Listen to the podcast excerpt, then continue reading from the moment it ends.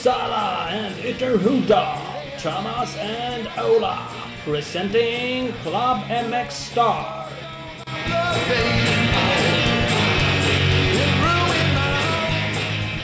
Välkomna till ett nytt avsnitt eh, av Klubb MX Star Podcast. Eh, med eh, mig själv, Thomas Persson, och vi har väl även med oss Ola Torell. Ja, han är här. Här är han. Han är där. Eh, som så många gånger förut, och det är helt fantastiskt, så presenteras det av Torells MX, www.torellsmx.se. Huvudsponsorn. Yes, det får man ju lov att säga. Alltid med, alltid redo. Ja. Alltid på tårna. Ställer upp med personal och hela helvetet. Ja, faktiskt, bara det. Gratis, tänkte jag säga. Du är inte så jävla välbetald i alla fall. Nej, det får lov att hålla med om. Det är inte jag heller. Nej. Eh, Men det kan bli. Vi har även med en, eh, en annan samarbetspartner i den här podcasten, eh, Altec eh, AB i Uppsala. Mm. Elektrikerfirma som sysslar med, ja, alla gre grenar av elinstallationer helt enkelt. Det är fantastiskt. Det är grymt. Www.altecab.se. Det man faktiskt kan göra nu, det är att gå in på deras hemsida, dra iväg ett mejl eller ring de, om man är elektriker. De söker personal. Ja, så är det. Eh, Och Mass, jag tror det är fördel om man bor jobb. i närheten av Uppsala. Det är ett Uppsala-företag. De har mycket jobb i Stockholm också vet jag. Eh, Men, men absolut, eh, det är väl klart det är så. Om man inte vill flytta. Det är jättetrevligt att flytta till Uppsala. Ja, eller därifrån. Det är inte heller fel. Ja, det kan man också göra. Eh, helt klart. Men stort, eh, stort tack återigen till Altec som är med och eh, Precis. Och har man inget annat för sig så dra iväg ett mejl till dem och tacka för att de är med och stödjer vår verksamhet. Mm. Det är också uppskattat. det, det är också uppskattat. Det uppskattar ju vi också. För det gör ju indirekt att, eh, att de känner att det var lite kul att vara med här eh, och, och stödja oss och det vi håller på med. Ja. Mm. Helt klart, mera sådana. Och vill man vara med och stödja så går det bra att eh, ta kontakt med oss på mxstar.se. Ja, Eh, Det är mxstar.se, där finns det adresser som man kan mejla. Vi har ju en Facebookgrupp man kan skicka meddelanden och det finns Instagram, både mxstar och Torells MX. Ja. Eh, Twitter och ja, det, det ska nog inte vara något problem att få tag på oss. Nej, det är nog minsta bekymret. Eh, kul. Vi har ju eh, lite gäster idag. Det har vi. Mm, och lite sådär, eh, breakar vi lite grejer. Vi har ju med Eddie Hjortmarker och Emil Boberg. Lite breaking news därifrån. Yes, för det är ju som så att Eddie Hjortmarker har ju startat ett eget team och de kommer köra för det här teamet båda två. SRS, Scandinavian Racing Sports. Eh, Och det blir VM för Hjortmarker och EM, 125 EM för Emil Boberg. Precis. Med support från eh, JM och Duells och Mankan Österberg Racing i Stockholm. Yes, Big Balls MX. Precis. Och Vad det? ABS. Vad det namnet? ABS Finmekaniska Uppsala. Jajamän, Bland annat. handen. Bland annat. Trimmar motorer, bland annat. Eh, grymt kul. Eh, vi ska ju prata, prata mer med dem. Eh, Hjortmarker ska få berätta själv vad som gäller med teamet och tankar. Yes. Eh, övrigt i världen, vi har haft lite supercross igen. Ja, de, Mm. de kör lite Destruction Derby där tycker jag nu för tiden. Mm. ja, det får man ju lugnt säga. Eh, Reed svartflaggad sist. Eh, Ja, påhoppad av Kanad, eh, valde att köra ner Kanad som, det. som tack för hjälpen. Han var väl ja. onödigt sur för att han för en gång skulle vara med i en start och för en gång skulle låg väl typ topp fem när han blev inhoppad i ryggen. Ja, för, ja, för Reed har ju inte kört så jävla bra i år, så det är som du säger, han var ju med där uppe och drog. Exakt. Han var väl onödigt nöjd. Men han låg ju där som en jävla roadblock ett tag tyckte han. Han låg trea och bara, jag vet inte. Jag tyckte han låg uppe och höll de andra bakom sig. Det var bara en tidsfråga innan det skulle börja vissla om hojar höger och vänster. Eh, Så upplevde jag det också. Jag tror absolut inte han hade legat kvar exakt där han låg. Nej, jag, och hade Canard bara haft lite mer is i magen så hade han kört om att på kurvor senare i alla fall och inte försökt hoppa igenom allt. Men ja, det är ju sånt som händer. Nej. Det, men det, börjar ju bli lite småfet nu för tiden, så det kanske var det. Han bred. ja, kanske. Jag vet inte. Han åker med benen rätt ut och försöker hålla sig. Han kör lite LS-stilen. Ja. Bara blocka så mycket det går. Ja, det är väl lite det.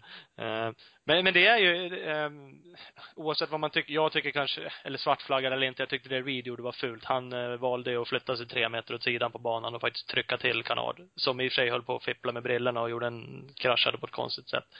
Eh, men, men vad, vare sig man tycker om det där eller inte, det är ju rätt spännande för oss som tittar. Jag kan ju känna att så länge inte folk skadar sig, Ja. så skapar det ett ganska stort intresse kring det. Det blir en jävla Absolut. boost kring allt sånt där. Mycket snack kring det och Ja, jävla dramatik och man sitter ju på helspänn och har man lyckats så inte, om man in, nu inte är vaken och kollar på någon live-sändning på natten utan man går upp på morgonen efter och kollar på Youtube och har missat och sett något resultat så är det ju sjukt spännande racerna igenom. mm.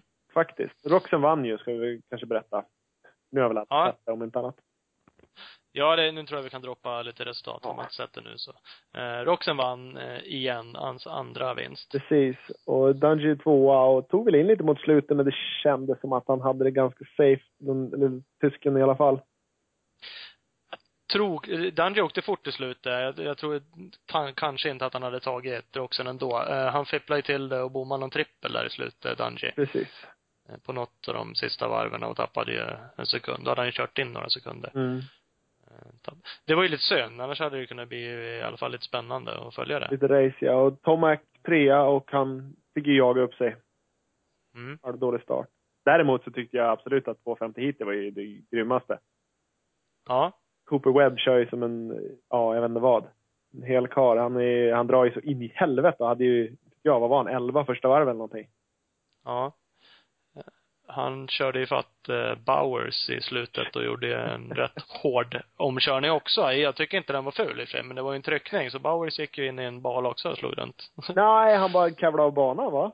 Jag tror inte ens han Ja, men han var omkull. var någon kull med kanske. Ja, Ja, han, tippade kanske ja omkull. precis. Han- Han välte av banan där och sen fick han ju ta sig på några sektioner senare då hade ju Webb redan gått i mål. Han, Ja. han blev ju tvåa i alla fall.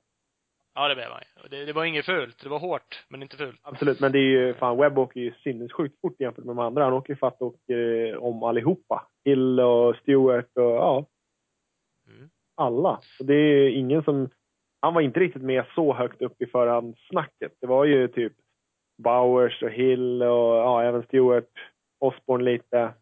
Sen kom Webb typ, men nej, han har verkligen visat var skåpet ska stå. Mm. Ja, det är inget snack om. Det gjorde han ju utomhussäsongen också. Ja, det åkte också jävligt bra. Det gjorde han ju. Då var han ju lite överskuggad bak av eh, Martin. Martin, sin teamkollega. Men eh, han verkar gå bra hojarna också, jammarna i år med. Men eh, nu missar han ju starten. Det går ju till också att göra. Spann så jävligt vet du. För mycket hästar Ja, den det är väl det. En som, en som däremot är jävligt bra på att starta, men faktiskt erkänner mer och mer att hans teknik går ut på att räkna grinden, det är Alessi. Ja. Han, han misstajmar ju grinden nu. Och det gör man ju inte om man tittar på den och släpper kopplingen när den ramlar. Nej. Utan om du räknar att på fem släpps grinden och så räknar man till fem och sen släpper kopplingen, ja, då kan man misstajma grinden. Mm. Men har han sagt det, eller är det din analys? Nej, han har sagt det. Han sa det själv. Ja. Mm. De sa det själva nu. Och han, var det förra året, eller var det två år sedan, som han tog ett sånt satans hole shot och sen gången efter bara brände rätt in i grinden. Mm. Så det, det, det är ju den tekniken han använder, vad det ser ut. Undrar om han står och, och kollar jävligt mycket under andra hit och sådär då? Eller om det alltid är samma gubbe som Nej, det släpper? tror jag inte. Jag tror att de, jag tror han kollar. Han går ut och kollar. Ja. Det är ju någonting som man kan göra på vilken crosstävling som helst. För det är ju oftast samma som trampar grind dagen igenom. Mm. Och, Och han räknar ungefär lika långa sekunder och släpper ungefär samtidigt? ja, man gör ju sin regel det. Det är ingen som släpper ena grind på tre och sen räknar till fem nästa gång och sju tredje gången. Utan Nej. man räknar till fem och sen trampar man bara. Och räknar man lika fort varje gång, ja men då finns det ett mönster i det där. Det, det är ju som sagt var eh, upp till alla att behöva göra det. Så det är ju bara taktiskt. Ja, ja helt Bra, klart. Helt klart. Sen måste man ju släppa kopplingen när det är dags också. Alessi är ju grym på att starta, men ja, det jag trodde ju förut i alla fall att han kanske var mera händig på vad han var och mindre händig på att räkna, men verkar lurt.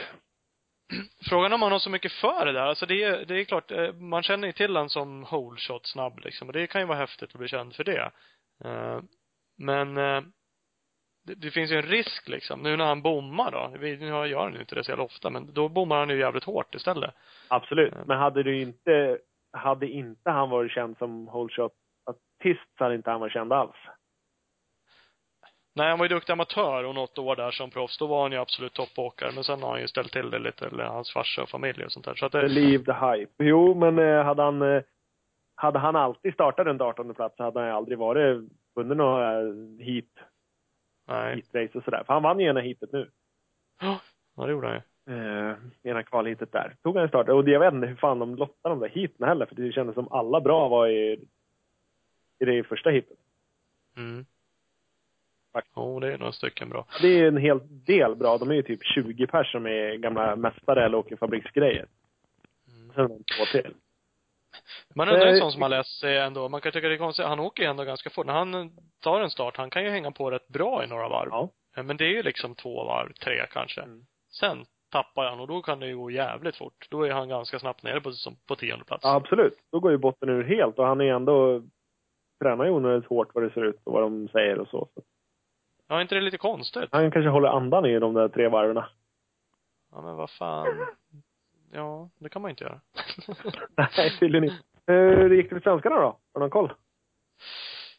Det gick väl, eh, det var väl bara Norén som gick vidare till eh, Night Show. Norén gick med. Turesson eh, rapporterade på sin Facebook att han ja, återigen var missnöjd med åkningen. Han får det inte att stämma. Han tycker det går svinbra att träna och världens flow och allting och sen kommer det dit, blir race så knyter det sig allting. Mm. Han har ju annars varit ändå ganska säker att ta sig vidare till Show, har man tyckt. Jo, lite så. Eh, men Det... det, På gränsen i och för sig, men ändå sådär att han har gjort det. precis. Det som är väldigt kul att se är ju att eh, Norén är, uppe och faktiskt placerar sig skapligt i heaten också. Han, kanske med tanke på att han har ju ingenting att köra för så, inte, eller det har han väl, men inte resultat, skulle kanske räkna någon gång eh, på grinden och dra en chansning. Mm, absolut. För, för skulle han gå iväg bra i något av heaten eller i sista chansen, då är han vidare till, Ja, det, till finalen. main, det, det tror faktiskt jag med. Det såg man i sista chansen där. Han startade som sjua tror jag, men han låg ju i den klungan som var, mer eller mindre. Och jag såg någon på varvtider. Ja, han var ju med där. Precis. Ja, Absolut. Hade han startat först eller topp två, tre, då hade han nog gått vidare. Ja. Han var, han var tolva i eh, första heatet. Han körde. Mm. Och eh, då spöade han Nick Way till exempel. Mm. Och Nick Way Som- gick, som gick vidare ja, som, som var i final. Mm. Han spöade Ronnie Stewart, Nick Schmidt, eh, AJ Catanzaro, sådana här, eh, ja, privateers som brukar vara med. Så han var precis efter Jimmy Albertsson och ta sig vidare från tidsskalan och runt där. Och han gick också vidare, Mm, precis.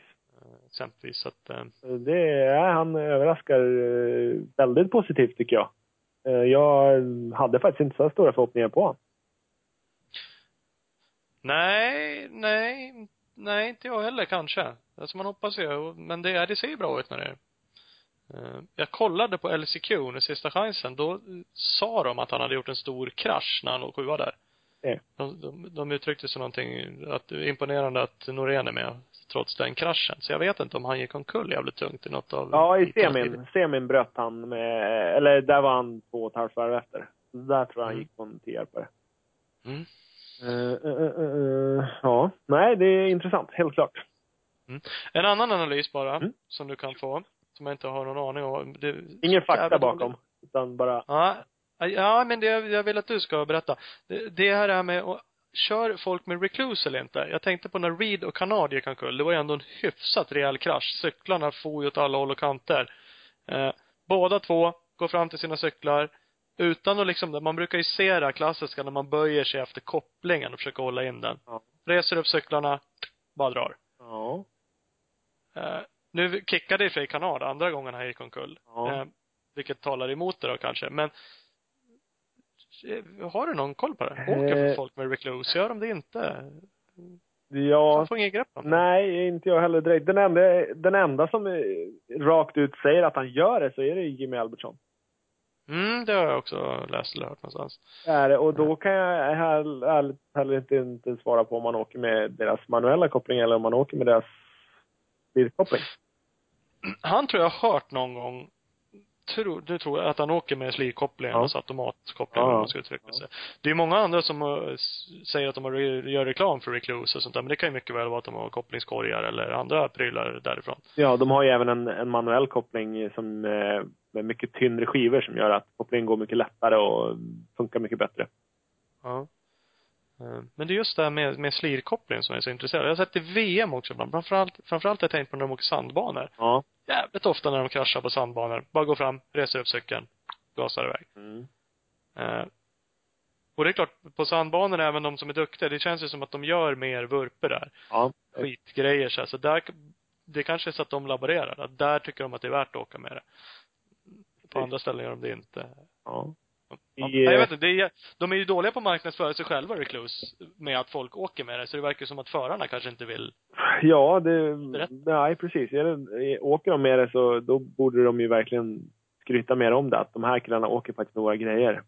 Även fast de inte säger det själva. Det är knepigt. Eh, vi Ja. har ju våran eh, soon to be gäst igen. Eller vad säga, jag, Bengtsson. Eller Mm. Bang. Vi får fråga han. Han är väl så nära fabriks Honda-prylar man kan komma nu. Mm. Ja, precis. De kanske har testat i alla fall eller någonting. Ja. Han, han borde veta vad han har tillgång till och hänga i om han skulle vilja. Eh, han kommer vi ha med inom kort. Vi har inte bokat något datum. Jag pratade med han. Eh, Han ställde sig såklart eh, självklart upp, sa han. Lysande. Eh, Det är ju VM-premiär nu i slutet av februari, så vi ska ju ha med han innan såklart. Precis. Eh, nog om detta. Då tar vi och ringer till eh, Eddie Hjortmarker, ska vi se. Hallå ja. Är med? Hallå! Ah, tjena tjena. tjenare Eddie. Läget? Jo men det är, det är väl bättre eller det börjar det börjar bli bättre kanske jag ska säga. Jag har gjort lite operationer och sånt där nu under vinterhalvåret men det, jag börjar läcka ihop så det börjar bli bra. börjar bli ordning och reda igen. Vad har du Ja. gjort för något då? Jag har eh, fixat lite, eh, tagit tillfället i akt, eller man ska säga att eh, laga lite gamla skador och eh, jag har opererat bland annat ett nyckelben eh, som varit en gammal skada som gick upp igen och sen eh, eh, nu senast då ett båtbensbrott som har varit av i några år. Så jag håller på och leker för fullt. Ja. Det är sånt där enligt, vinterunderhåll man får leva med som crossåkare. Ja, precis. det kan, kan väl vara det kanske. Går det enligt eh, plan då? Läkning? Jo, men eh, nyckelbenet och sådär, det ska vara helt läkt nu. Jag har varit och gjort Mm. lite, kollat upp det lite på lite röntgen och sådär och jag var även för cirka en vecka sedan och röntgade mitt båtben som jag opererade för sju veckor sedan då. Allting verkar se bra ut så, så jag har väl någon månad kvar kanske innan jag kan sitta på cykeln igen. Mm. Så eh, det har varit eh, en liten, lite jobbig period. Vi har alltid kört cykel under, ja, hela året i stort sett. Jag har aldrig behövt lägga ner cykelåkningen så, för jag har alltid åkt utomlands eller något sånt. Så det har varit lite tufft för mig. Jag har inte suttit på biken riktigt sen eh, SM i Finspång egentligen. Nej. Så, Det är Det är ettan neråt och sen resten uppåt sen när vi kommer igång så du vet det. ja. Ja, men det är bra. ja men det är så. Det är ju, mm, alltså det är klart man kan känna att det är en eh, nackdel. Ehm, Samtidigt om man nu ska hitta något positivt så åker ni ju jävligt mycket cykel, precis som du sa, du kör året runt. Det kan ju vara en fördel då, kanske hitta någon extra glädje liksom. Ändå få en viloperiod från Ja, precis. Det är lite så jag ser det, men jag försöker se det positiva i det hela nu och precis som du sa, jag har ju alltid åkt cykel året runt och eh, det har blivit lite mycket nu i slutändan och så lite, lite för mycket skador och sådär så eh, ja, för mig tror jag det bara är fördel att jag har hållit upp nu och eh, tränat mycket fys och sådär istället. Så, så har jag fått tillbaka gnistan, eller vad Mm. man ska säga. Det kändes, eh, nu hände det lite allt möjligt förra säsongen där i slutet med lag-VM och lite sådana här grejer. Eh, som också gjorde att du kanske dippade lite i liksom suget sådär. Annars så, eh, prata lite mer i Finspång där, då var nog när, ja, när alla hit var körda där. Då, då kändes du rätt mätt på det faktiskt just då. Att nu, nu ska det bli jävligt skönt och liksom. Ja, då var det bra faktiskt. Det, det var eh, precis, det var mycket med lag-VM och allt som hände där och det, det tog ju ganska hårt så eh, psykiskt så jag, ja, jag blev ganska less på det så därför har det nog varit bra med ett uppehåll nu och jag känner att suget är tillbaka så jag tror jag bara kan komma tillbaka starkare nu till denna säsongen istället. Ja. Eh, Det är jäkligt skönt. Vad är planen om det, om det går som du har tänkt dig med läkningen nu och fortsatt? Drar du iväg någonstans, hinner du med att vara utomlands någonting då eller blir du hemma och Jag vet inte riktigt hur det blir men eh, planen är väl att så fort som jag, jag ska börja köra hoj så fort som möjligt. Eh, men ändå hinna bli helt läkt då så jag inte får några problem med det. Men jag siktar väl på någon gång i mars eh, att kunna börja åka eh, ordentligt och då blir det väl att jag sticker ner till Holland en sväng eh, och så stannar där fram till första VMet som går i Italien för min del då. Jag kör Mm. ju inte de tre första som går i Thailand, Qatar, Argentina eller vad det är. precis. Eh, och det, tanken var väl egentligen att jag skulle göra det men nu blev det inte så då på grund av skadeläget och sådär. Nej, precis. För, för där är det ju faktiskt så att du droppar ju lite nu och det är ju på gång som sagt och verkligen släppa att det blir en VM-säsong även i år. Ja, exakt, det stämmer. Och det är ju jävligt kul att höra. ehm, att, att vi får flera svenskar ut och åker och att du fortsätter eftersom du körde ehm, förra säsongen av VM. Ja, Eh, och det är någon egen teamsatsning om jag har förstått det rätt, eller hur är tanken? ja vi har haft, eh, eller jag fick eh, ett par olika alternativ förra året eh, efter säsongen där då. Men eh, för att hitta den billigaste lösningen och det som passade mig bäst så kände jag att vi drog igång och startade ett eget team istället. Eh, Mm. Och det är väl vad jag vet så det första svenska VM-teamet på väldigt länge. Och um, det är ju inte hur, så enkelt att eh, liksom få starta ett VM-team hur som helst men eh, eftersom jag har kört ett år redan och vi har fått bra kontakt med, med dem på Ustream och sådär så anmälde vi det att jag ville starta ett eget team och ja, det är väl så det ligger till. Ja, men det är inte så jävla dumt. Ehm, stämmer att det blir SRS, Scandinavian Racing Sports? Ja, det stämmer rätt. Ehm, Scandinavian Racing Sports är namnet och det är just för att det är ett skandinaviskt team så liksom. eh. Just nu är det ju bara jag som kör VM för teamet. Jag har även tagit med mig Emil Boberg i 125-klassen som ska åka alla EM Mm. och även U17 i Sverige. Så vi är ju två stycken just nu och jag tror inte det blir några fler förare till denna säsongen i alla fall. För det är inga krav så från Utstream där att det, det måste vara förare i alla klasser eller flera förare utan ni, ni får driva det som, som ni gör nu, uppenbarligen då. Ja, nej det var inga krav så utan eh, det är väl mest om man ska köra hel, hela säsongen då. Eh, och inte bara enstaka tävlingar utan jag betalar ju eh, en viss summa då för hela säsongen. Mm. Och ehm, det gör Emil med då i 125. Så det är väl det som är kravet då, att man kör hela serien. Mm. Precis. Eh, ja, men det är jättekul. Eh, och det blir ju fortsatt på eh, KTM för er båda. Ja, exakt. Jag fortsätter mitt samarbete med KTM Scandinavia och jag, jag tycker det har funkat så bra eh, nu de två åren jag har kört så jag såg inget annat alternativ heller och jag fick en fortsatt bra deal och bra förtroende från KTM så, um, så det känns rätt att fortsätta så. Eh, vad, vad är, hur ser det ut med övriga? Det är ju jäkligt lämpligt att fortsätta som sagt, speciellt om man är nöjd. Eh, så det är ju kul att du är nöjd med KTM och, och får förtroendet att fortsätta. Eh, hur ser det ut med övriga partners och sponsorer och så? Är det klart liksom någonting kul? Ja, stora sponsorn här i Sverige är väl eh, Mör Racing från Stockholm då.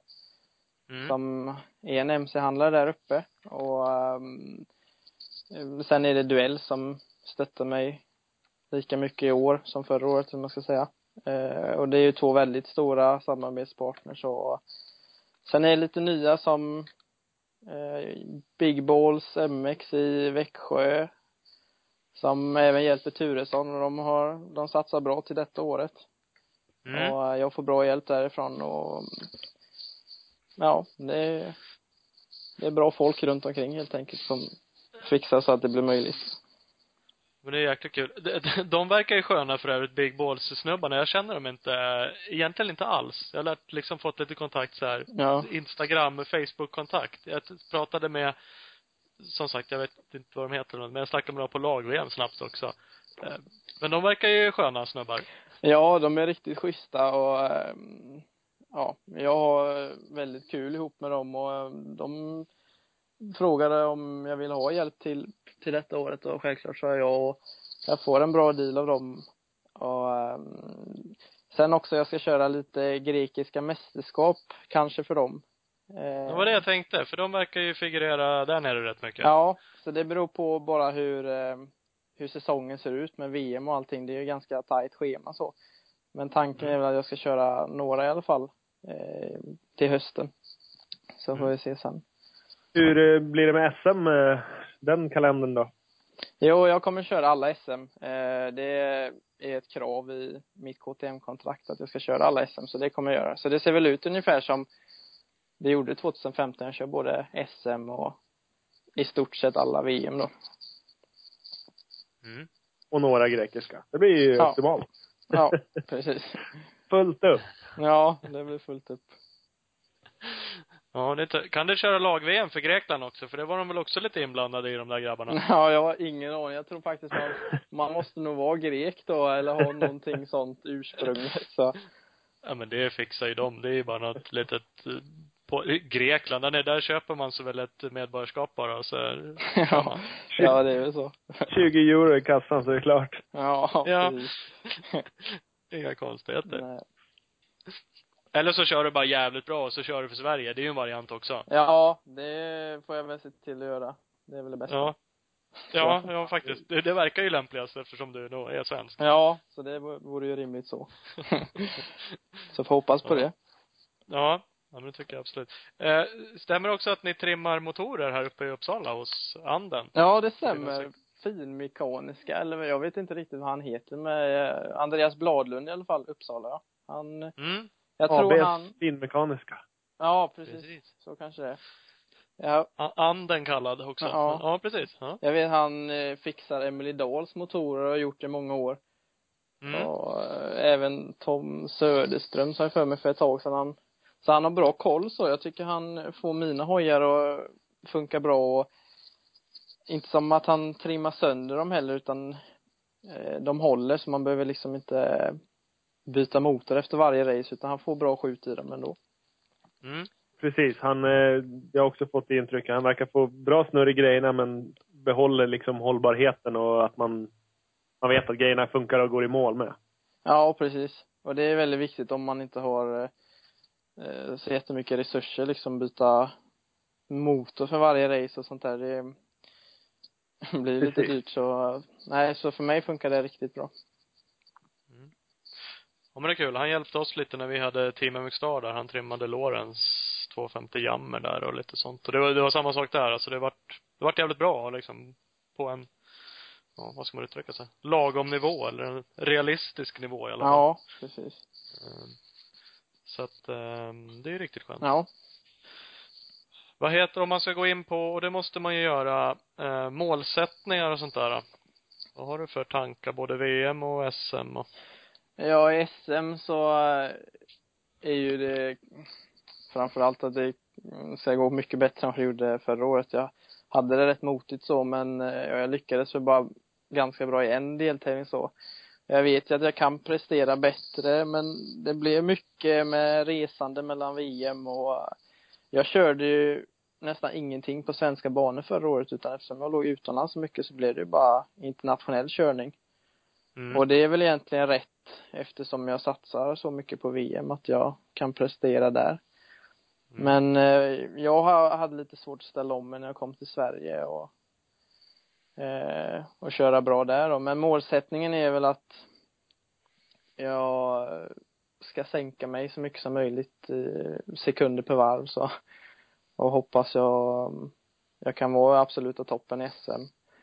Och sen i VM så är det ju precis som förra året poäng och helst högre placeringar än vad jag haft i år. Försöka topp 15 om, om det är möjligt. Mm.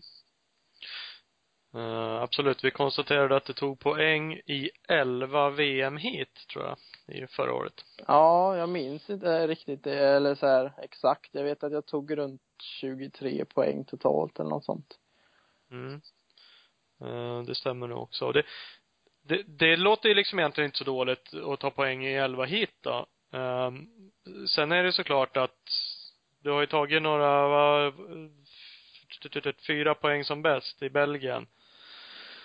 Uh, och det är som du säger, helst så vill man ju neråt i resultatlistan eller lite topp 15 eller då blir det ju jäkligt mycket intressantare. Det är ju en klart bättre poängskörd totalt. Ja, precis. Och sen helst vill man väl inom topp 10 då för att man ska, ska börja få lite bättre hjälp. Eh, eh, och teamen får upp ögonen för den för ja, de placeringar där som jag har legat förra året så är det ju inte som att man eh, får åka gratis i något team direkt.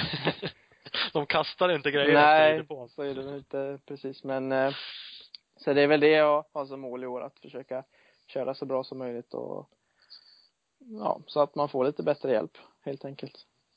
Mm.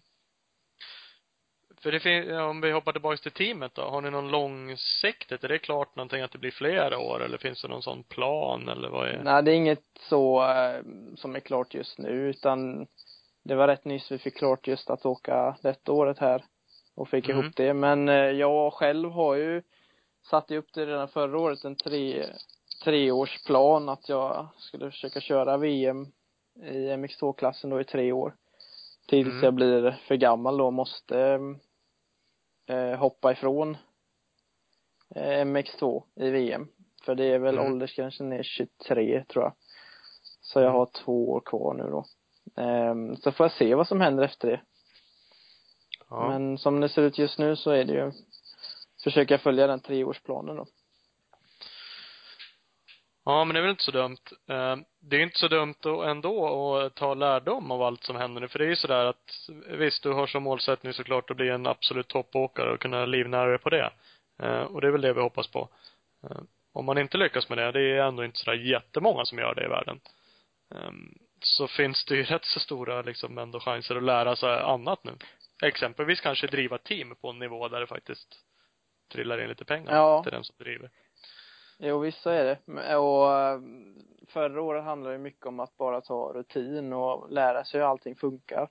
Och eh, jag känner ju det att efter den säsongen så har jag fått mycket mer rutin och eh, att jag smälter bättre in bland alla de andra förarna. Det, första tävlingen förra året kändes helt nytt för mig om man jämför med SM. Det, det går nästan inte ens att jämföra. Det, de är så rutinerade och de åker så sjukt fort i toppen så man blir nästan mörkrädd.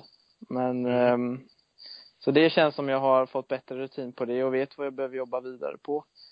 Och det känns som det finns så mycket att lära i VM. Och um, ja, det är väl det som jag tar nytta av. Mm.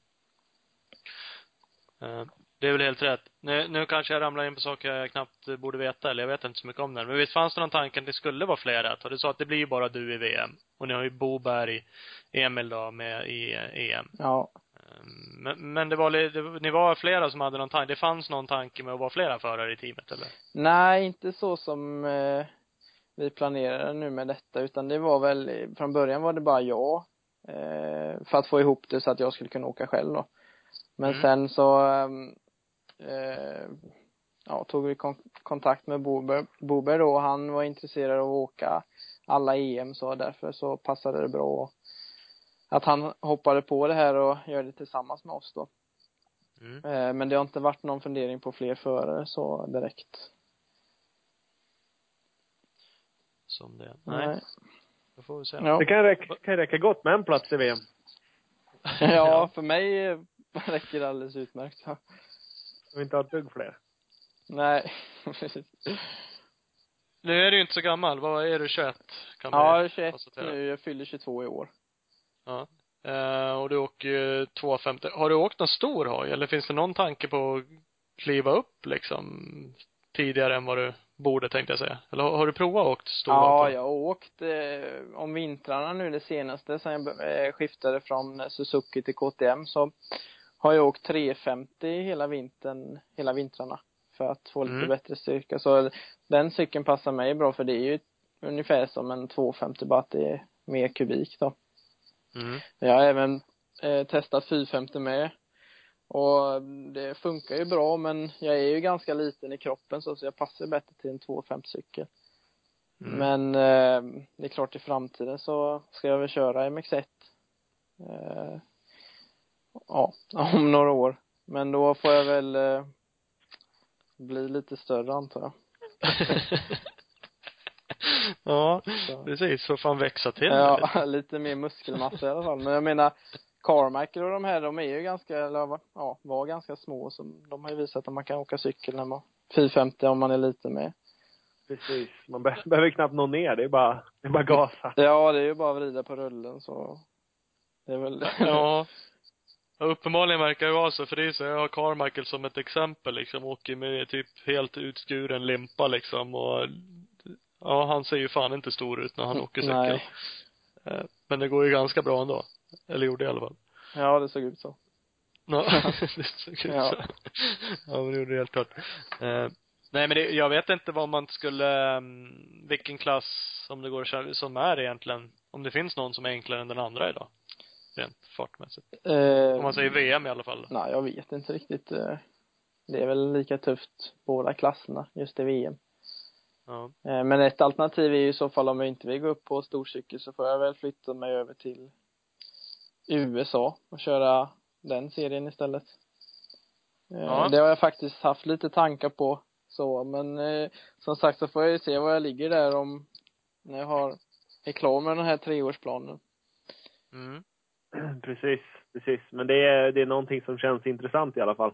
Ja, absolut. Jag tycker Norén och eh, Robert Lind och de här har gjort helt rätt att de åker över och kör det där och eh, det känns ju som det är där man kan tjäna mest pengar om man eh, om man åker tillräckligt bra så. Ja, pengar överhuvudtaget. I alla fall få liksom, ja, prispengar. Något som man Ja, absolut precis. inte får i, i VM. nej, så är det. Nu är det ju så att jag så som jag kör nu när jag har fått starta eget team och så här så blir det ju ändå bra mycket billigare om jag, än om jag skulle köpa en plats i ett team. Jag tror vi betalar eh, ungefär 100 000 för en hel VM-säsong till Youthstream då. Så det är ju inte de som tar de mesta pengarna när man kör ett VM-team utan det är ju själv teamen då som tar största summan. Ja. Eh, och det är för att de ska driva runt med sin personal och sen det är klart de kommer med hojar och allt sånt där. Men Precis. så det är ju faktiskt inte Youthstream som tar alla pengar så. Nej. Hur eh, löser ni det med, med liksom, eh, ja, grejerna på plats i VM-depån och sånt där? Ni har ingen trailer och sådana grejer utan ni kör med bussarna, eh, mindre bussar antar jag, eller vad har ni för grejer där? Ja, jag kör eh, med min buss som vi hänger på ett större tält då, så det blir ungefär som som jag hade med mitt förra team, ungefär ett sånt stort tält. Eh, så det blir som alla andra Ja, ekipage i depån ungefär så. Ehm, och eh, jag kommer ha en mekaniker som, som kör runt bussen och mina hojar fraktar allt det. Och sen även farsan som hjälper till med allt sånt och får det på plats. Så jag ska kunna flyga till eh, racen eh, och slippa åka så mycket bil som möjligt. Mm. Ja, det är ju Ja. en vettig, vettig grej faktiskt. Ja, det, det blir ju lätt så eftersom det är många race och det är liksom varje helg och är det inte i um, Sverige ena helgen så är det nere i Bulgarien nästa helg så det blir mycket åka så det är ett jädra flängande om man ska åka med själv då så blir det ju att man inte hinner köra någonting utan det blir bara åka bil. Så det gäller ju att få ihop det att man eh, får in all träning så att det flyter på så man, det slipper bli lidande. Precis. Jag tänker mig logistiken är eh, en jäkligt stor del. Vi, vi pratade lite med Stefan Andersson tidigare i, som är med i Mafe-teamet där. Och de ska ju också vara ute och flänga med ett, med ett team. Eh, Och de brottades ju en hel del med att få ihop planeringen bara liksom. Vart är cyklarna liksom? Vart är bussarna? Vart är förarna ungefär? Eh, det är en del att hålla reda på. Ja, det är svårt att få, få runt det så att få, ha alla grejer på plats när man väl ska vara där. Det liksom, eh, det gäller väl nästan att man har mm, racehojar både som rullar runt ute i Europa och sen eh, att man har det hemma med. Så det blir ju nästan dubbla uppsättningar då och eh, då gäller det ju att man har bra uppbackning som, som jag har nu då från KTM och från Mör och Duells och allt så jag kan ha dubbla kit liksom, det är ju det som blir enklast. Eh, sen kommer min buss gå mycket fram och tillbaka Sverige och Europa då. Så det blir ju, det är klart det blir mycket flängande. Mm. Ja, jo såklart. Eh, Men det ska ni väl få till? Ja, Andra lyckas ju. Ska ni kunna lyckas? ja, det ska nog gå. Tillbaks till USA. Du sa att du var intresserad av att köra där. Eh, Har du haft någon tanke då på supercrossen och sånt där? Vad, vad, vad skulle du känna inför att ge dig på någon sån? Ja, självklart. Det hade varit kul att, eh, om man kunde lyckas med det någon gång och börja köra supercross. Men jag är lite sugen på att börja åka i så fall typ arenacrossen eller någon sån serie under så för att skola in sig till supercrossen. Mm. Eh, så jag är helt klart sugen på att testa lite supercross och jag hade väl tänkt redan nästa vinter börja åka lite ADAC supercross i Tyskland där. Deras Mm. mästerskap och se, för där är ju ändå en del prispengar och sådär med och eh, så det är ju intressant och sen får jag väl se då hur det blir om jag sticker iväg till USA sen senare då skulle jag vilja köra arenacrossen där till att börja med. Ja. Precis, jag tror nästan du är tvungen att åka arenacross nu eh, för att få supercross-licensen. Ja, det kanske är så. Jag har ingen koll alls på det, hur, hur. Norén och de har gjort, men det kanske är för att de har tagit Ja, poäng Nor- i Nationals eller Ja, det. precis. Norén, har- Norén åkte ju i och för sig, eh, vad heter det, Ja, jo, det gjorde han ja. arenacross i fjol. Ja. Eh, men Lind vet jag inte och Turesson vet jag inte, men de har ju varit där för, för, flera gånger förut. Men nu de sista åren så har det varit så att, eh, ja, de kallar det RC, Road to Supercross eller någonting. Så att du är tvungen att åka eh, en viss del arenacross och ha någon sorts poäng där för att få, så att kunna åka Supercross. Ja, men det känns ju lite rätt så för eh, som jag har fattat i alla fall så är det väl lite enklare banor i alla fall. Det är, det är ju inte eh, liksom in i VM direkt i Supercross. Nej, Eh, precis.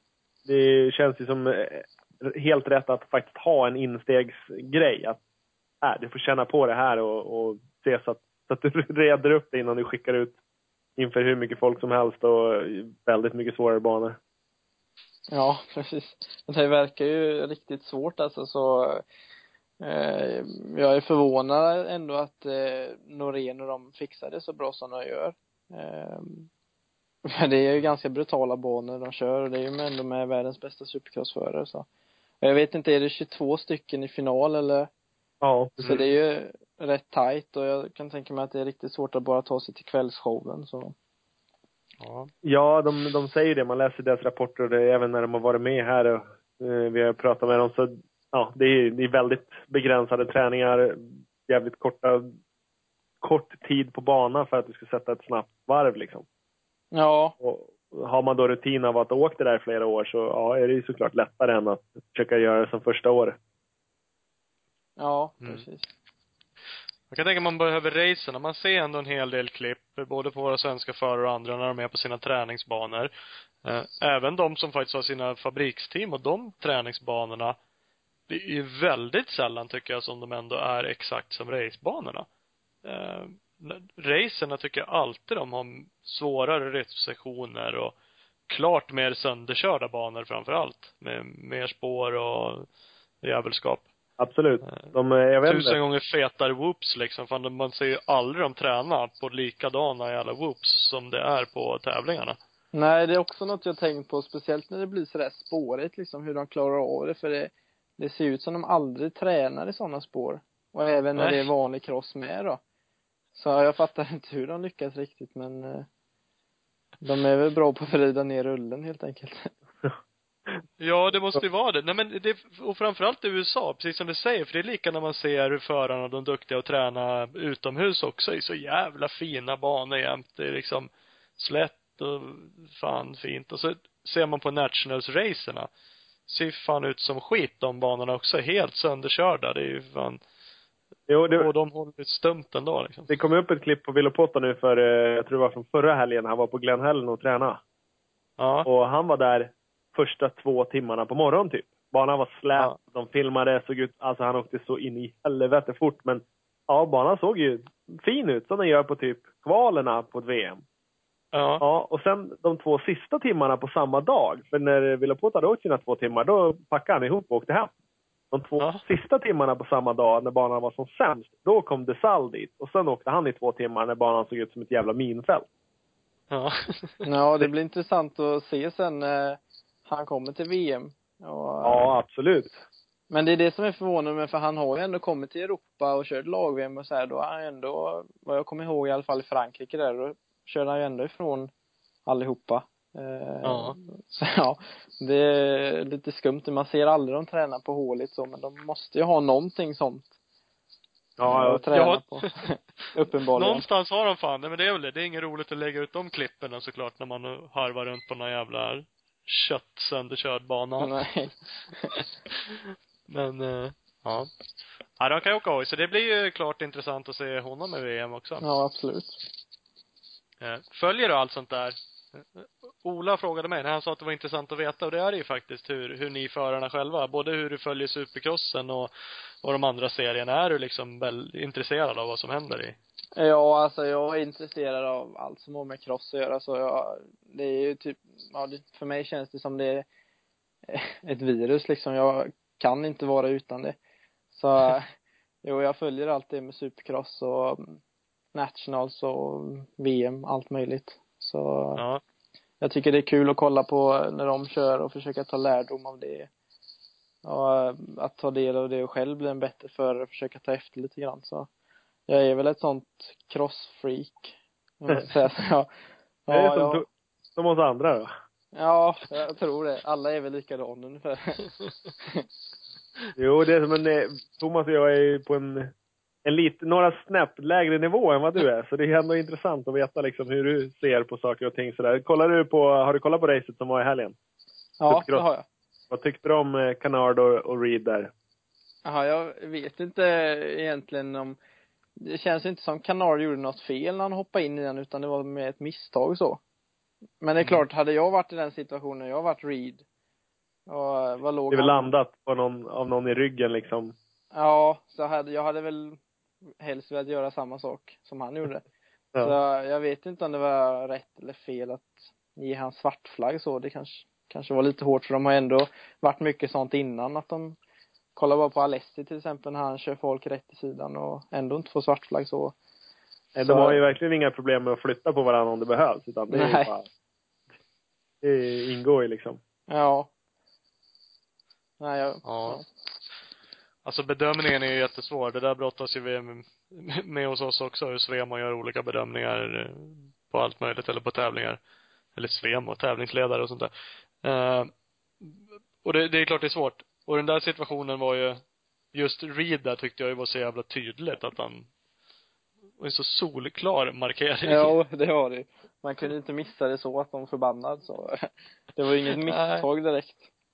Nej, det var ju inte riktigt det. Han körde ju verkligen tre meter åt sidan liksom, åt ett håll han inte skulle, bara för att ge honom en armbåge. Ja.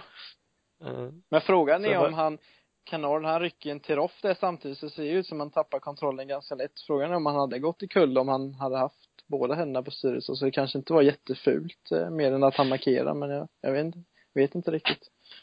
Nej, så är det för det ser jävligt konstigt Det ser nästan ut som att han borde kunna rätta upp det ändå. Han ser som han ser så jävla slapp ut när det där händer. Han gör liksom ingen försök alls att reda upp det, utan han bara får en knuff, fortsätter rakt fram, rakt in i den där jävla balen och så bara slår han runt. Ja.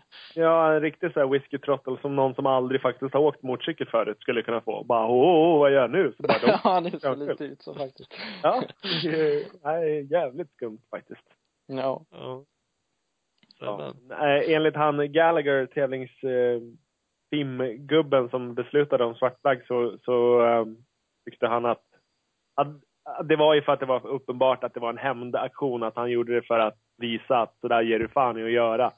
Och då tyckte Mm. han att det är inte ni som, som håller reglerna utan det är faktiskt vi som gör det.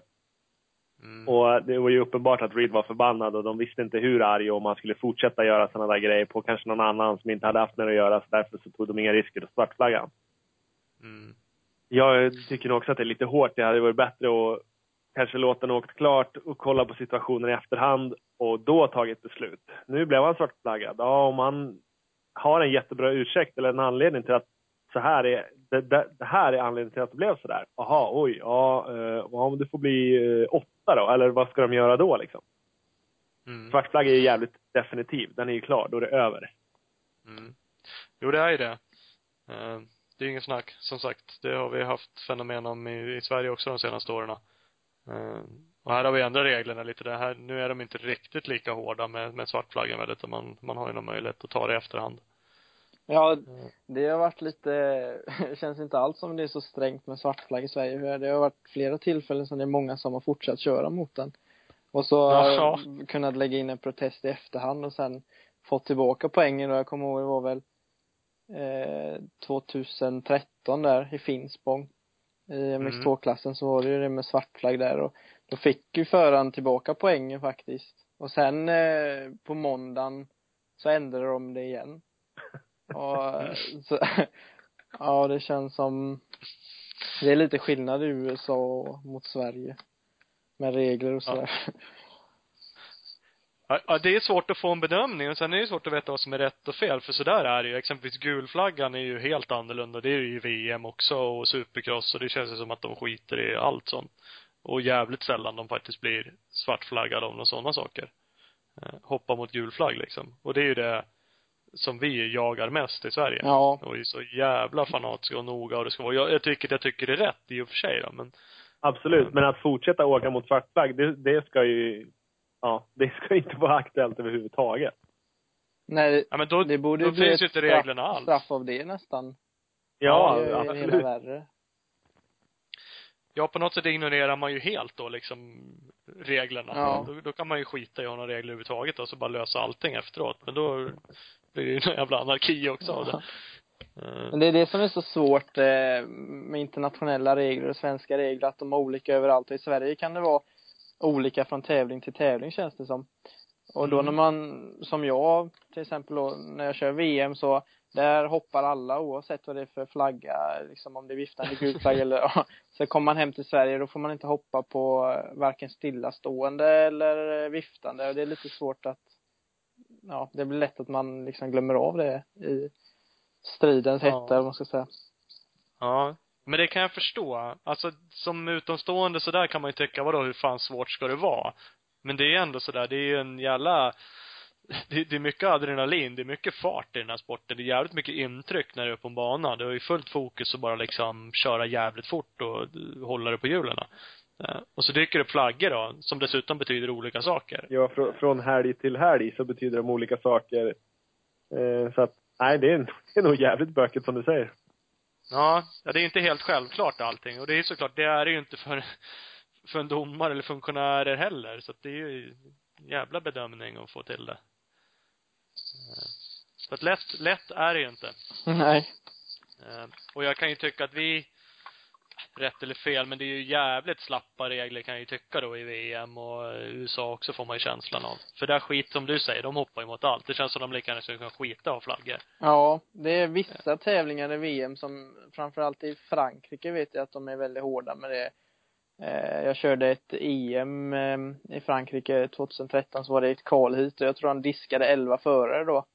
Som hoppade mot gul flagg.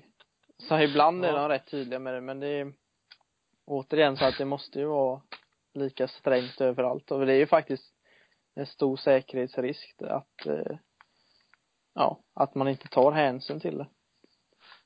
Ja, jo det är ju verkligen för alla på banans säkerhet, både den som ligger där och den som hoppar och funktionärer och alla, så att det är ju, det är ju idioti att, att inte ha tydliga regler och inte följa dem. Nej, precis. Eh, Så att, eh, ja. Inte lätt, inte lätt. Nej. Ja, ja, men då så, då är det ju snart på gång och som sagt, det drar ju igång med VM, men du ska ju oavsett inte köra de första. Eh, För annars, vad, när har vi premiären egentligen? Det är ju nu, 28 februari. Ja, det är inte alls långt kvar. Nej. Och eh, sen vet jag inte hur det ser ut om det, det rullar på där tre helger i rad i stort sett va. Mm. Så är det väl ett litet hopp sen till, eh, det kommer till Europa där i, i Italien. Eh, och det är väl igång. 19 Det- april Ja. Det stämmer. smäller det igång. Yes. Så då rullar det på där. 19, 26 april, 10 maj, 24 maj, 31 maj. Ja. Däremellan är det ett SM tror jag, om man vill åka det. Ja. Jag tror det är i stort sett varje helg eh, eh, som det blir tävling för mig med VM och SM. Mm. Så det blir tajt. Det blir det. Ja. Då tycker jag du ska njuta av lite, lite lugn och ro. Sitta hemma och bara kolla på supercross och, och känna sig som, som mig och Ola. Man känner sig jävligt bara duktig. Man blir bara duktigare och duktigare ju mer man ligger i soffan och tittar. ja. Eller? Skriker åt datorn. Fan gör det, kör fortare. Ja, precis. Ja, det är mycket enklare att sitta vid sidan och, Jo, och det bedöma än att vara där själv och dra. Faktiskt. det är, är väl Så. lite så. Ja. Jodå. Världsmästare i soffan, det är, Det är många Det är som är det. Ja. det är det många som är dessutom. Jävligt många i den här sporten vi håller på med. Ja. Ja, men kul att höra. Kul med teamet, eh, VM. Eh, och eh, hoppas du läker ihop och lycka till under säsongen. ja, tack så mycket och tack för att jag fick vara med. Ja, Tredje gången gilt nu. Alltid kul. Ja. Jajamän. Fan, det är bara att hålla i det här. Podcasteffekten, då får du spara till första VMet där i Italien. Ja, det ska jag göra. Ja. ja, det är bra. Ja, Vi kör på det så hörs vi ja det gör vi. Ha det gött. Hej, hej. Hej. Ja, Jajamän. SRS. Scandinavian Racing Sports. Ja. Det är grejerna det. Mm, kan det vara. Ehm, jag har inte hundra koll på det där som man sa, men det var um, angående att det är ja, första svenska eller skandinaviska teamet på länge i alla fall. Svenska då. Ja, svenska får vi väl säga. Det är väl några, ja fast det är väl inga norska team som åker heller, utan de, det är väl norrmän som åker. Eh, Ja, så att finns, precis. finska team Finns har vi. det. Ice One har ju, De är ju blivit stora. De är ju faktiskt fabriksteam nu för tiden. precis. Kanske Ja, men- SRF med blir. Ja, alltså Ice One eh, hade ju fördelen då med att ha Kimi Räikkönen som eh, sköt in några miljoner. Ja, det är inte fel. Det är ingen nackdel. Jag hörde några rykten om budgetar de hade, jag tror det var första året, och då kändes det ändå som att det var privatteam. Det var ju liksom så här 10 miljoner liksom, eller det var någonting, det var några galna belopp. Ja. Det är inte riktigt i Torells MX-klass. Vi är ju lite lägre. Ja, lite. Typ. Någon procent under det där. Åtta eller tio nollor mindre. Mm, Ja. Ja men det är ju så. Det är garanterat lika i, i, i Eddies team. Ja. Det, det rullar säkert Ja. ut några nollor i det teamet i och för sig, men jag tror inte det rullar ut 10 miljoner. Nej, det var inte heller riktigt. Men, ehm, men vem vet, alltså det, det är som sagt, man behöver ju någon, man behöver ju en Kimmy, eller något bolag. Ja, precis. Men eh, någonstans måste man börja. Har man inte det så är det ju ändå en bra början att bara komma ut och få åka och synas. Mm. Helt klart. Så är det. Eh, Eddie nämnde ju själv, eh, Emil Boberg kommer ingå i teamet. Precis. Vi ska ju ta och ringa och prata även med eh, Emil och se vad han har för tankar inför eh, den här säsongen. Exakt. Hallå? Hallå? Hej, Emil! Ja, Hur är läget? jo det är bra. Fan ligger och sover? Nej, jag sitter i soffan. Låter alltid så här trött sig. Ja, kanske. Jag vet inte. Du, du, jag tänkte säga det, du är väl tonåring tänkte jag säga. Jo. Snorunge. Då ska man låta så här lite trött, vad, vad man än gör. Jo, jo, det ingår. jo, Vart är du? Nere i eh, Tibro? jo. Kom precis hem från du- skolan. Ah, Så här sent. Ja. Troligt att du går i skolan så här länge. Jag har tränat hela eftermiddagen så. Haft kvarsittning. Ja. Ja, finns det fortfarande? Har man det? Nej, jag tror inte. Som har Inte på gymnasiet, Nej, inte på gymnasiet. Det är väl så sant. Då fick man väl göra som man ville. Eh, För du går ju crossgymnasiet, eller hur? Ja. Eh, går det bra? Är det kul? Ja, det är kul. Mm. Mycket träning. Det är bra. Är det så? Det är bra det. Ja. Ja. Eh, ja, men det är bra. Eh, det kan du behöva. Ja. För ryktena säger att du ska köra en full EM-säsong. Yes. Och då eh, kan du fan inte ligga bara i soffan hemma. Nej. Vi pratade precis med Eddie Hjortmarker och Ja. ni ska köra ihop i SRS, Scandinavian Racing Sports Team. Ja. Eh, Är det, det är alltså 125 EM gissar jag. Ja. Och då blir det gissningsvis fortsättning i 125-klassen i SM i Sverige. Ja, det blir det. Har, eh, har du en 125 som du tränar på nere på skolan också eller åker du större hoj där för att eh, underlätta service och sånt där eller? Nej, jag åker 125 här också. Åker 120 skrik där med. Det är lika bra kanske. 120 skrik Ja. sa jag. Det är lika bra att hålla sig van med grejerna. jo, det är det. Är det vråltrimmat där du åker? Nej, inte här nere. Det är original så. Helvete. Det går ju inte. Måste alltid köra trimmat. I alla fall på Mm. two smoker. Då håller de inte. Ni kan inte skruva som går i den här skolan, så då funkar det väl inte. Nej. Lär ni er några sådana saker? Jo. Mecka. Det går väl sönder så man får väl pilla lite. Och så. Ja, men gör ni någonting då, eller står ni bara med händerna i fickorna och ropar på någon annan? Ja, vi får väl lite hjälp men man lär sig väldigt mycket också så. Ja. Det är ju bra. Det är inte så dumt. Det är, att kunna lite grann. det är framförallt bra att lära sig liksom förstå grejerna och kunna förmedla sen när man har en meck att du, jag tror att det är fel på den här för det känns så här. Då har jag ju kommit jävligt långt på vägen liksom. Ja. Mm. Eh, Du är ju från eh, Uppsala. Eh, Våra trakter, i alla fall tidigare för Ola och jag bor ju här nu. Eh, Och det är ju även David Kadestam. Visst går han också där nere på skolan? Ja.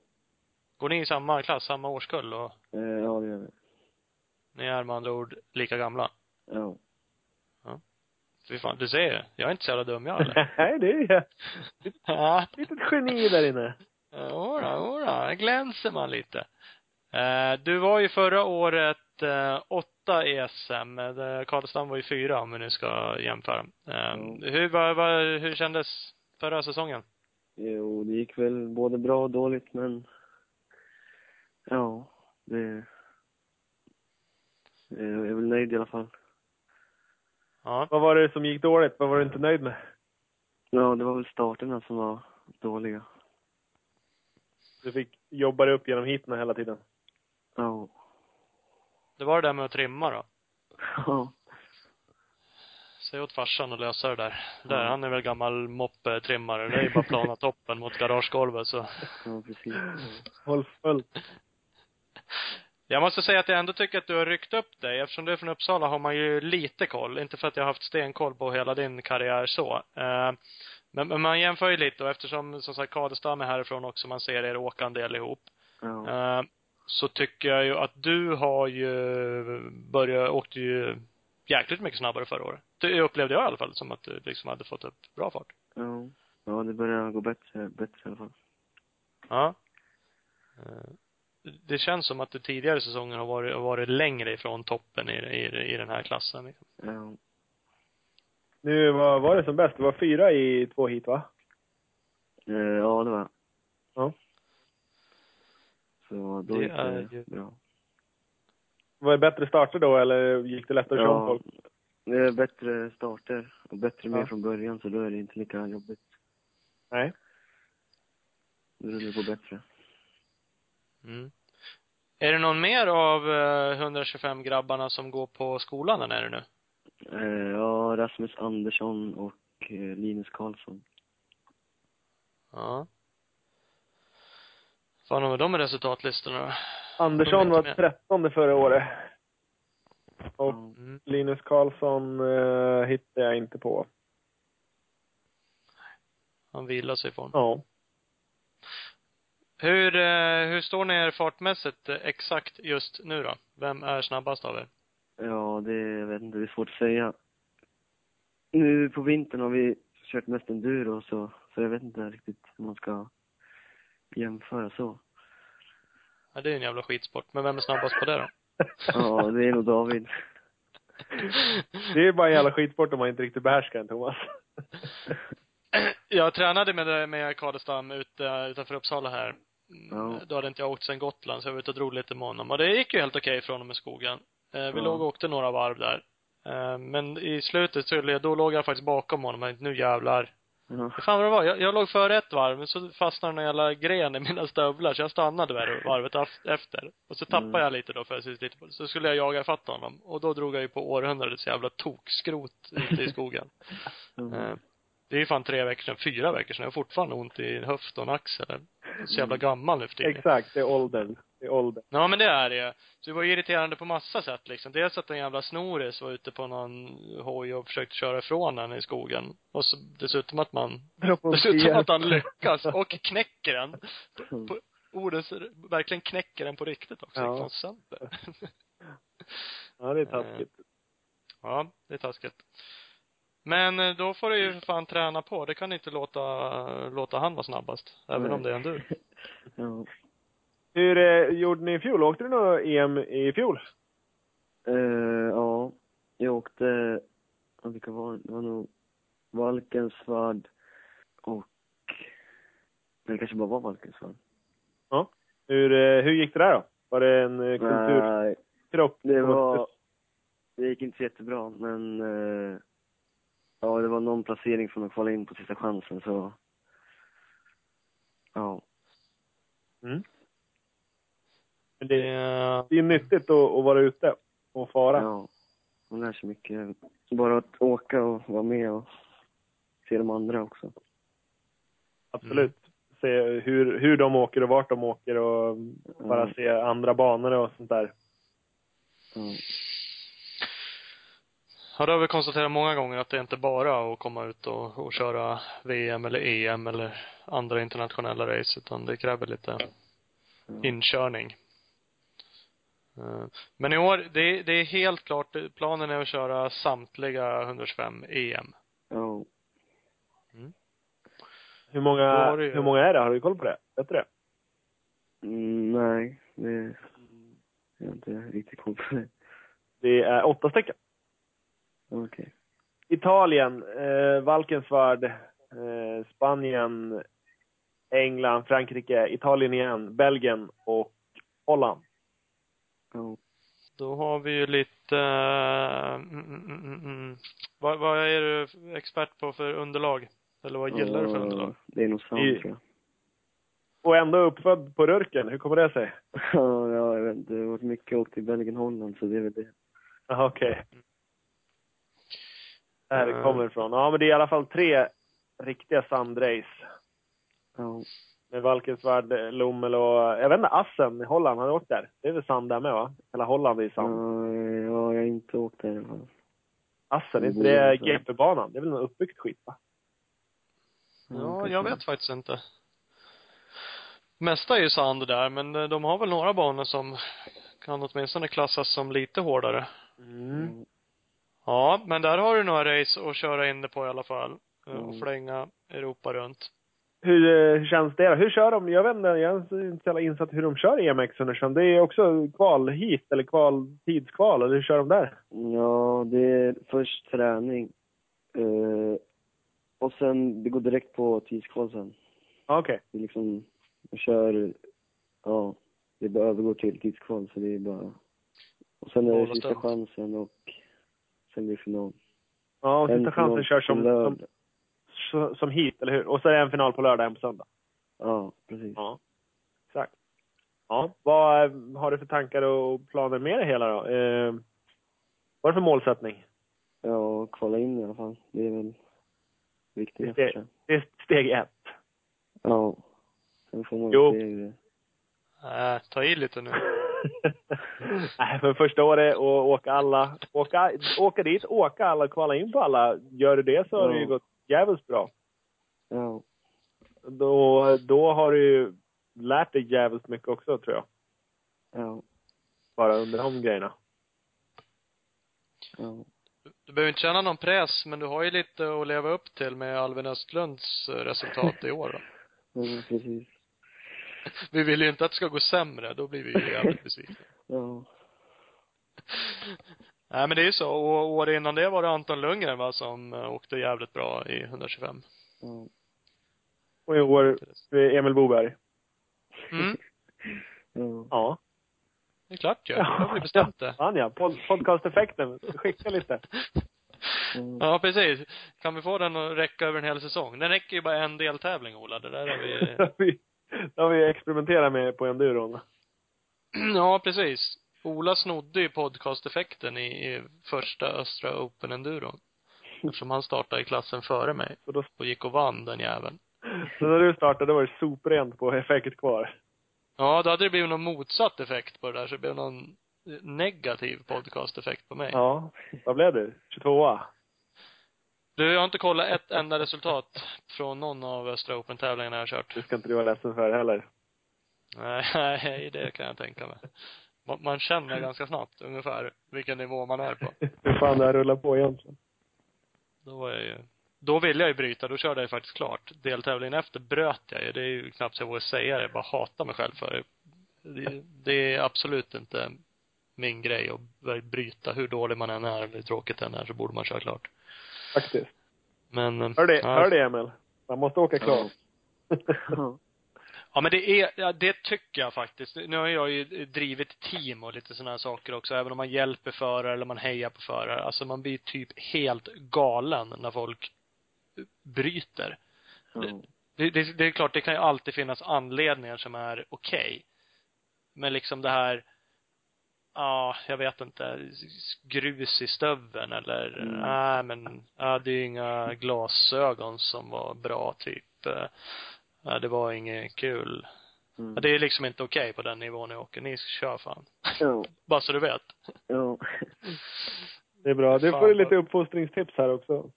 Ja, Ja. men det är fan bara bita ihop. Grejen är att man kan, man lär sig ju skitmycket av att bara bita ihop liksom. Det spelar ingen roll om man två varv efter. De kan ju ta rygg på ledaren ändå och dra som ett jävla svin och lära sig någonting.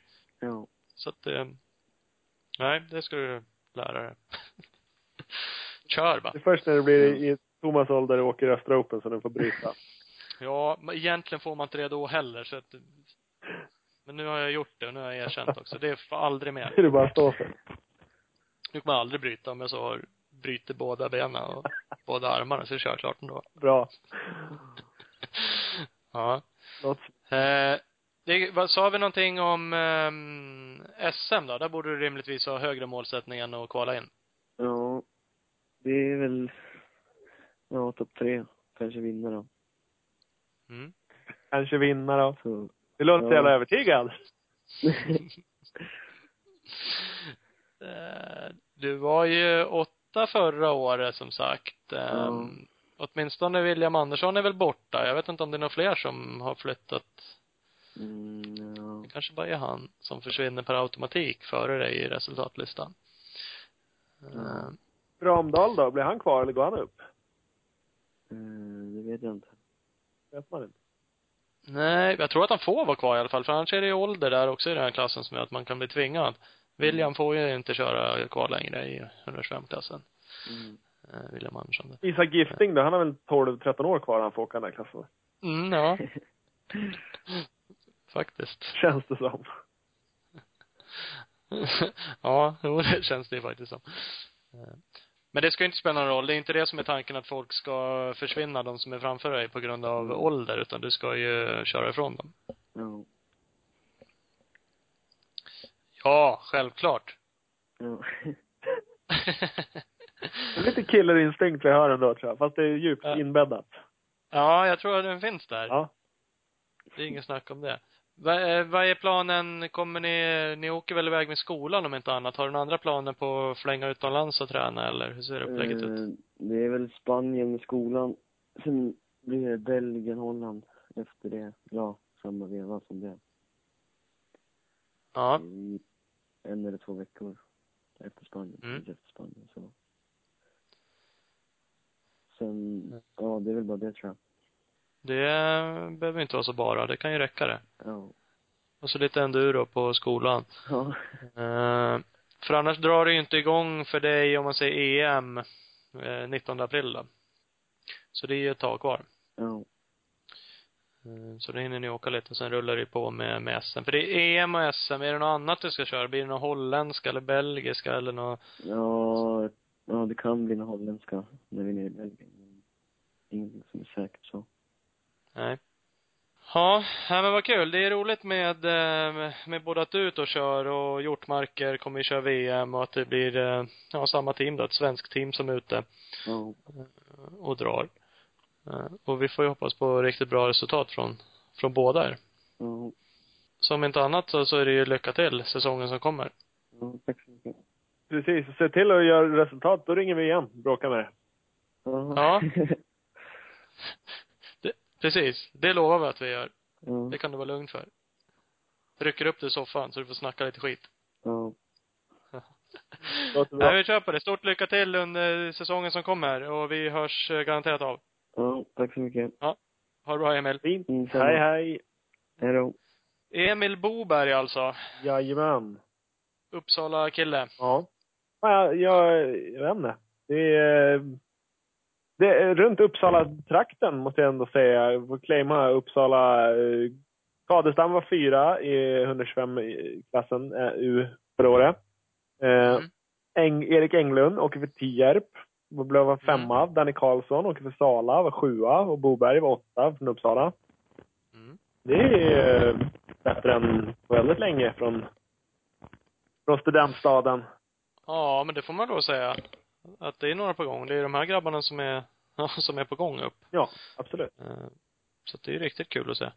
Helt klart. Vi får väl hoppas att det kan hålla i sig och att de kan, som vi har sagt så många gånger förut, kanske utnyttja varandra i den mån det går och träna ihop och Precis. Jag och Wicksell i MX2 också glömde jag bort. Så att det, det är lite fart runt där. Ja, och, ja, precis. Om de bara bestämde sig för att ta hjälp av varandra och, och träna ihop så skulle det säkert gå ännu bättre. mm. Återigen, uppmaning. Lyssna på coachen. Ja, precis. Svårt ska det vara. Exakt, det kan man undra. Ja, men vad bra. Ja, vi kör ju tipptävling återigen. Eh, Supercross. Mm. Dun, dun, dun. Ligan heter Eh. M- Klubb MX Star. Vi kör på www.motocrossfantasy.com för alla som är intresserade av Supercross. Nu har- Yes. har vi kört tre deltävlingar. Mm. Och Hoyer VGC har ju gått och vunnit deltävling både två och tre. Mm. Rackaren. Eh, Eh, misstänker någon sorts fusk där, för mina resultat går då fan inte in. Nej, inte mina heller. Jävligt lustigt faktiskt. Tack. Att det skulle vara så satans svårt. Jag tycker man tar, jag tar så här säkra kort ibland. Sist Andrew Short liksom bara. Han är ju alltid med där uppe. Bensäker, tar starten och, och bara rullar med. ja, han var ingen underdog då så jag tänkte det blir ju inte topp, topp poäng men han är med där uppe liksom. Nej, tog skrot. Utgår. Ja, Jaha, kul. okej. Så claimar han med sig Jason Anderson också. Nu ska du också vara Ja. uppe här, ser du. Precis. Nej, onödigt. Och Canard brukar också vara säker. Reed har inte mycket att tippa i år. Han är ju mest värdelös, stackaren. Ja. Men Canard brukar också kunna vara där uppe om det stämmer för han. Ja, Ja. nej, nu blev ju han insatt i någon jävla höbal och blev kvar där. Så att, nej, det är svårt. Det är svårt som fan. Det är med respekt till Hoyer VGC som har lyckats vinna två deltävlingar i rad nu. Ja, det får man verkligen lov att säga. Eh, och totalt leder ju eh, Kimpa 951. Precis. Kimpa Jäska som Kimpa Jäske. Det är bra Ja. också. Ja, det är onödigt bra. Jag vet inte, Hoyer måste ju ha bommat första. Han, han tippar väl på Hubben och Torell i första omgången. Måste fan ha gjort det. Det är inga säkra kort. Nej, det är sjukt osäkra kort. Jävligt mycket underdog-poäng. Det borde ge en par tusen. 10 000 kanske. Ungefär. Om du Ungefär. det. Men var med och tippa där. Eh, Jag slängde in bara sådär lite på sladd. Eh, Jag la ute på Facebook då att eh, topp tre, senaste tippningen, deltävling tre då, Anaheim 2, eh, fick eh, ett varsitt sticker-kit, klubben Mugstar. Mm. Eh, och eh, helt enkelt om man lyssnar här nu så hör av er till oss. Så ska vi se med adresser så att vi vet vad vi ska skicka dem. Exakt. Bara ni Eh, och vunnit, inga andra. Nej, inga andra. Någon jävla ordning får det vara. Ja, det är dyrt med klistermärken. Så in i bänken. Ja, vi kan slänga med i topp tre i eh, nästa, fjärde deltävlingen också. Så har ni en, en chans ändå, ni som inte har fått eh, klubben Mixstar stickers. Yes. Det är bra skit. Så att in och tippa och eh, är ni topp tre, eh, dra iväg ett mail till, till oss, eller ett meddelande på Facebook så styr vi upp det där. Faktiskt. Och- Mycket bra. Eh, Vad? Inte du? hade du något mer? Ja, nej, jag vill bara blåsa i min egen, eh, inte trumpet kan man väl inte säga, men ja, du vet. Toot my own horn.